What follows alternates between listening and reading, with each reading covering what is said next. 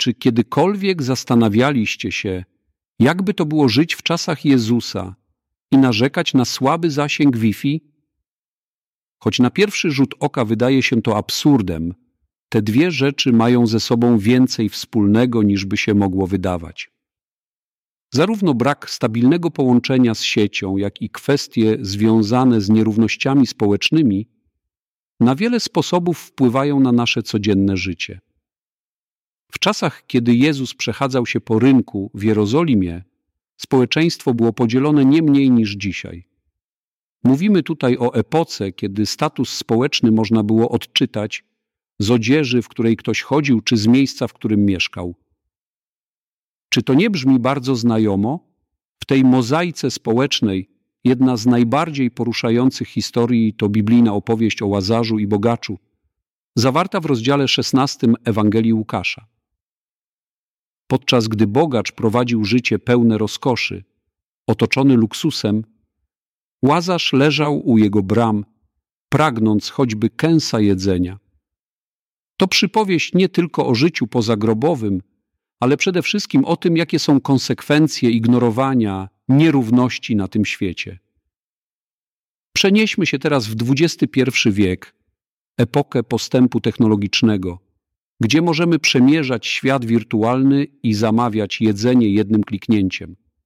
Czy nierówności zniknęły? Niestety nie. Choć wiele się zmieniło, wiele pozostało takie samo. Wielu ludzi wciąż nie ma dostępu do podstawowej opieki zdrowotnej, edukacji i godziwych warunków życia. Skalę współczesnych nierówności najlepiej ilustruje fakt, że w wielu krajach niewielki procent ludzi kontroluje większość bogactwa narodowego. Międzynarodowe korporacje mają większą władzę niż niejeden rząd. Ich budżety przekraczają roczne dochody niejednego państwa. Steve Jobs był jednym z najbogatszych ludzi na świecie. Miał dostęp do wszystkich osiągnięć nauki i medycyny. Przeżył tylko 56 lat. W czternastym rozdziale Ewangelii Marka Jezus powiedział: Bo ubogich zawsze macie u siebie i kiedy zechcecie, możecie im dobrze czynić. To nie jest wyraz rezygnacji, lecz ponadczasowe wyzwanie. Słowa Jezusa wzywają nas do czujności, do rozpoznawania nierówności i działania na rzecz zmiany. W epoce, gdzie technologia daje nam niemal nieograniczone możliwości, nasza odpowiedzialność za innych stała się jeszcze większa. Wykorzystując dostępne narzędzia, możemy działać, by świat stał się miejscem bardziej sprawiedliwym.